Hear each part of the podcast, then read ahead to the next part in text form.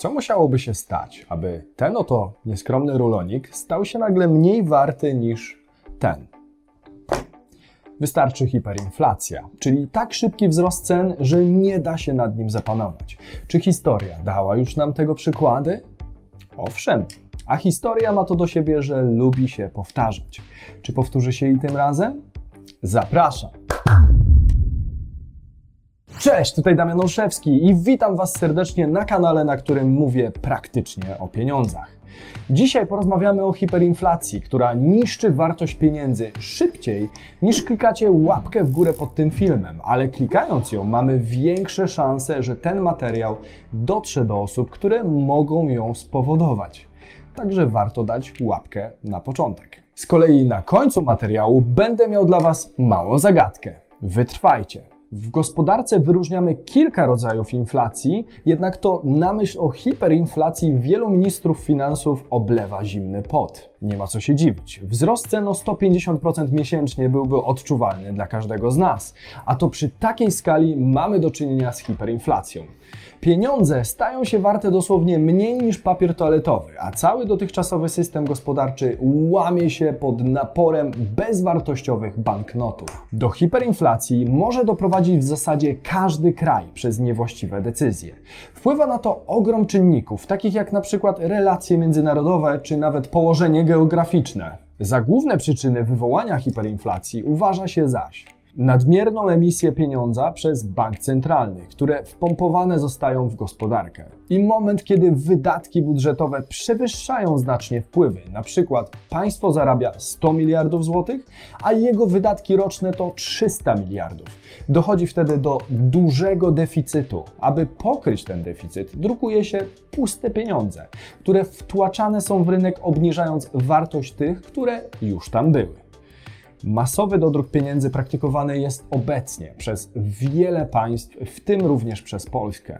Finansowanie wszystkich programów pomocowych nie bierze się znikąd. Banki centralne drukują teraz na potęgę. Efekty tego są widoczne na sklepowych półkach. Niestety, przeciętny obywatel, w tym ja, nie ma możliwości dodrukowania sobie pieniędzy. A szkoda.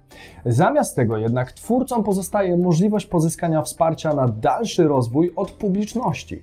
Od teraz możecie wspierać moją działalność poprzez wpłaty na Patronite, które w całości zostaną przeznaczone na dwa cele. Po pierwsze, aby przejść na system dwóch publikacji w tygodniu, który pozwoliłby mi przekazywać Wam jeszcze więcej wiedzy w krótszym czasie. Po drugie, aby skompletować zespół dziennikarzy ekonomicznych i profesorów, którzy pomogliby mi osiągnąć jeszcze wyższą wartość merytoryczną tego miejsca.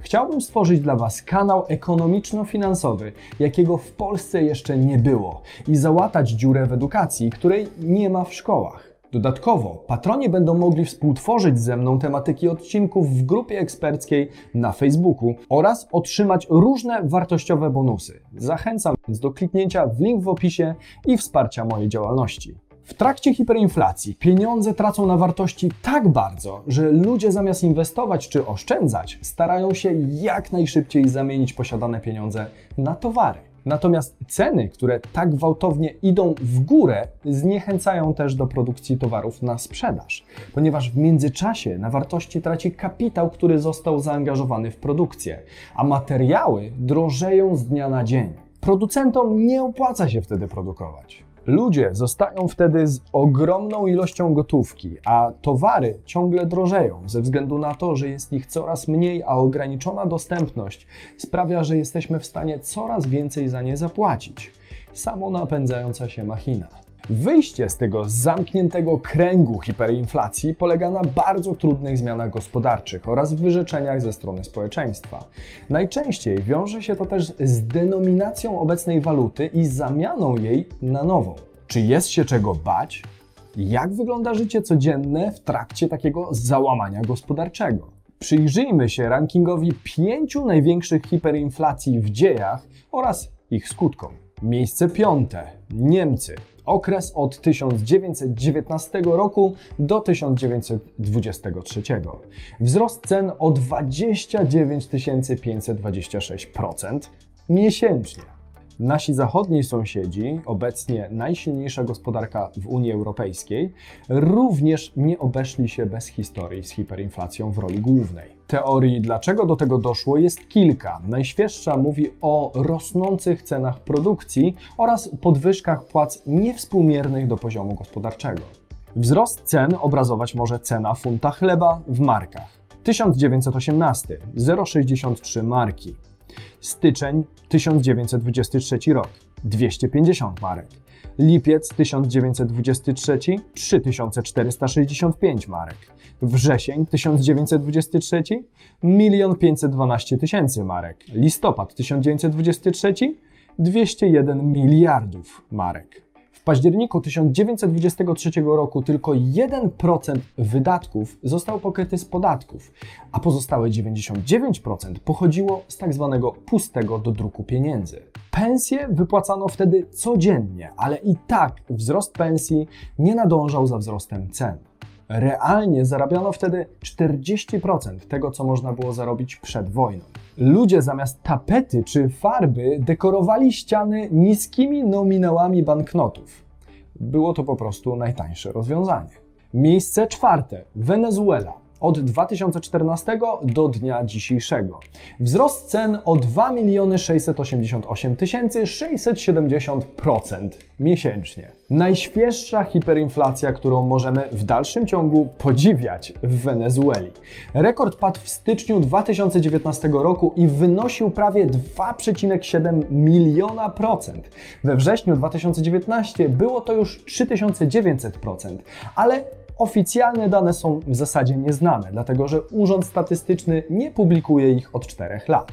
Co spowodowało takie załamanie, skoro między 2004 a 2007 rokiem ich gospodarka rosła średnio o 11,85%?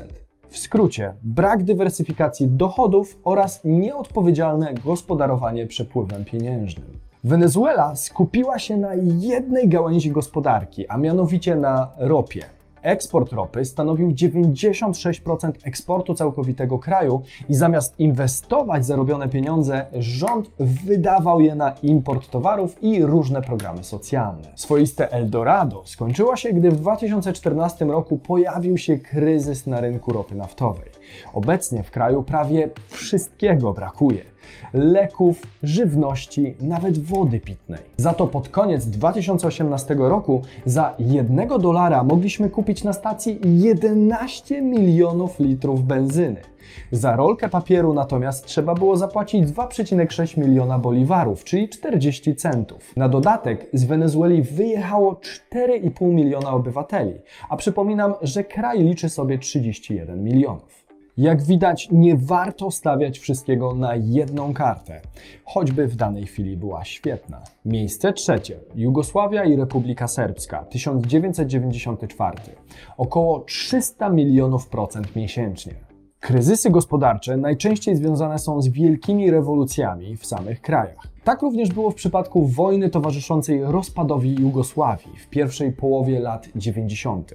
Dinar jugosławiański stał się walutą, którą już nikt praktycznie się nie posługiwał, bo banknoty typu 500 miliardów dinarów były tak popularne jak w Polsce 20 złotówki. Podwojenie cen następowało co półtorej dnia, dlatego większość zakupów odbywała się niemieckimi markami lub dolarami amerykańskimi. Pozostałością tych hiperinflacyjnych zawirowań w byłej Jugosławii jest fakt, że walutą Bośni i Hercegowiny jest tak zwana marka transferowa. Natomiast Czarnogóra oraz Kosowo nie posiadają własnej waluty i pomimo, że nie są członkami wspólnoty europejskiej, posługują się euro.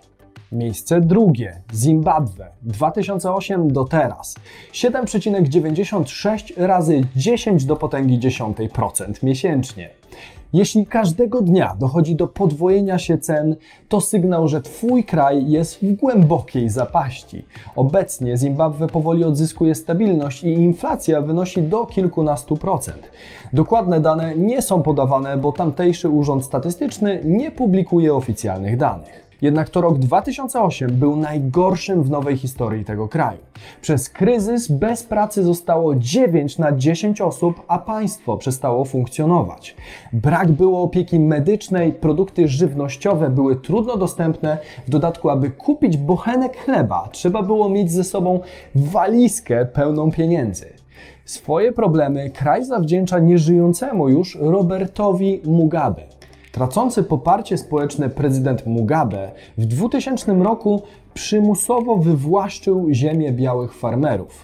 W ten sposób ograbionych zostało około 4,5 tysiąca rolników, których ziemię przekazano 300 tysiącom rodzin o czarnej karnacji. Zdaniem Mugabe miało to wyrównać niesprawiedliwości z czasów kolonialnych, ale finalnie doprowadziło jedynie do kryzysu gospodarczego odczuwalnego do dzisiaj.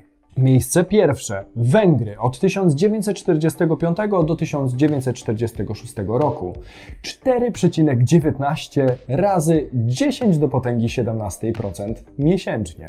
To najwyższa odnotowana w historii hiperinflacja, która zdarzyła się właśnie Węgrom po zakończeniu II wojny światowej. W 1944 roku banknot o najwyższym nominale to było 1000 pengo.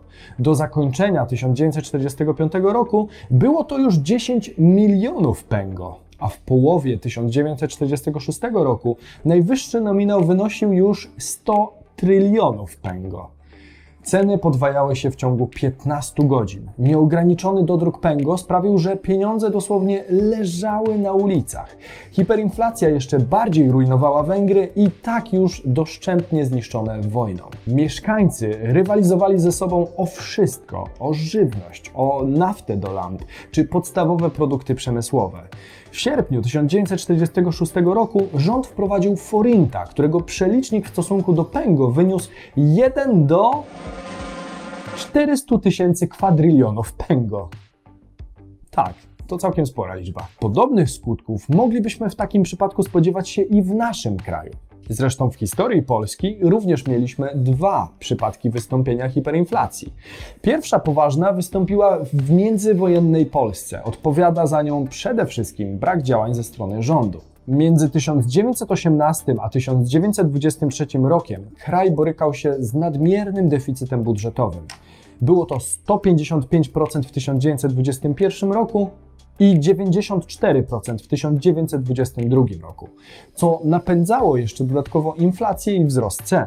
Kurs marki polskiej MKP spadł z 9 MKP za 1 dolara amerykańskiego w 1918 roku do 6375 tysięcy MKP za dolara pod koniec 1923 roku. Jednak zastąpieniem w krótkim czasie marki polskiej nową walutą, złotym polskim, udało się powstrzymać hiperinflację i panujący w państwie chaos. Drugi przypadek hiperinflacji i okresu, kiedy większość Polaków stała się przecież milionerami, przypada na upadek Związku Radzieckiego i okres tzw. Tak transformacji. Załamała się wtedy gospodarka PRL i NBP drukował pieniądze, aby łatać wydatki budżetowe. Choć hiperinflacja nie była tak wysoka jak w przeszłości, to i tak wzrost cen osiągnął 50%. Rozwiązaniem okazało się wdrożenie planu Balcerowicza, który zakładał m.in. denominację złotówki, ale to już historia na inny odcinek. Mam nadzieję, że ten odcinek był dla Was wartościowy. Na koniec, tak jak wspominałem, mam dla Was małą zagadkę. Jak widzicie, nagrywam w nowym studio, gdzie celowo brakuje jeszcze jednego elementu. O tutaj. Neonu z nowym hasłem naszej społeczności. Pytanie brzmi, jak będzie brzmieć to hasło? Dajcie znać w komentarzu. Tymczasem jeszcze raz zapraszam Was do wsparcia mojej działalności i edukacji finansowej poprzez linka do Patronite'a, którego znajdziecie w opisie. Do zobaczenia w kolejnym odcinku w niedzielę o 12. Cześć!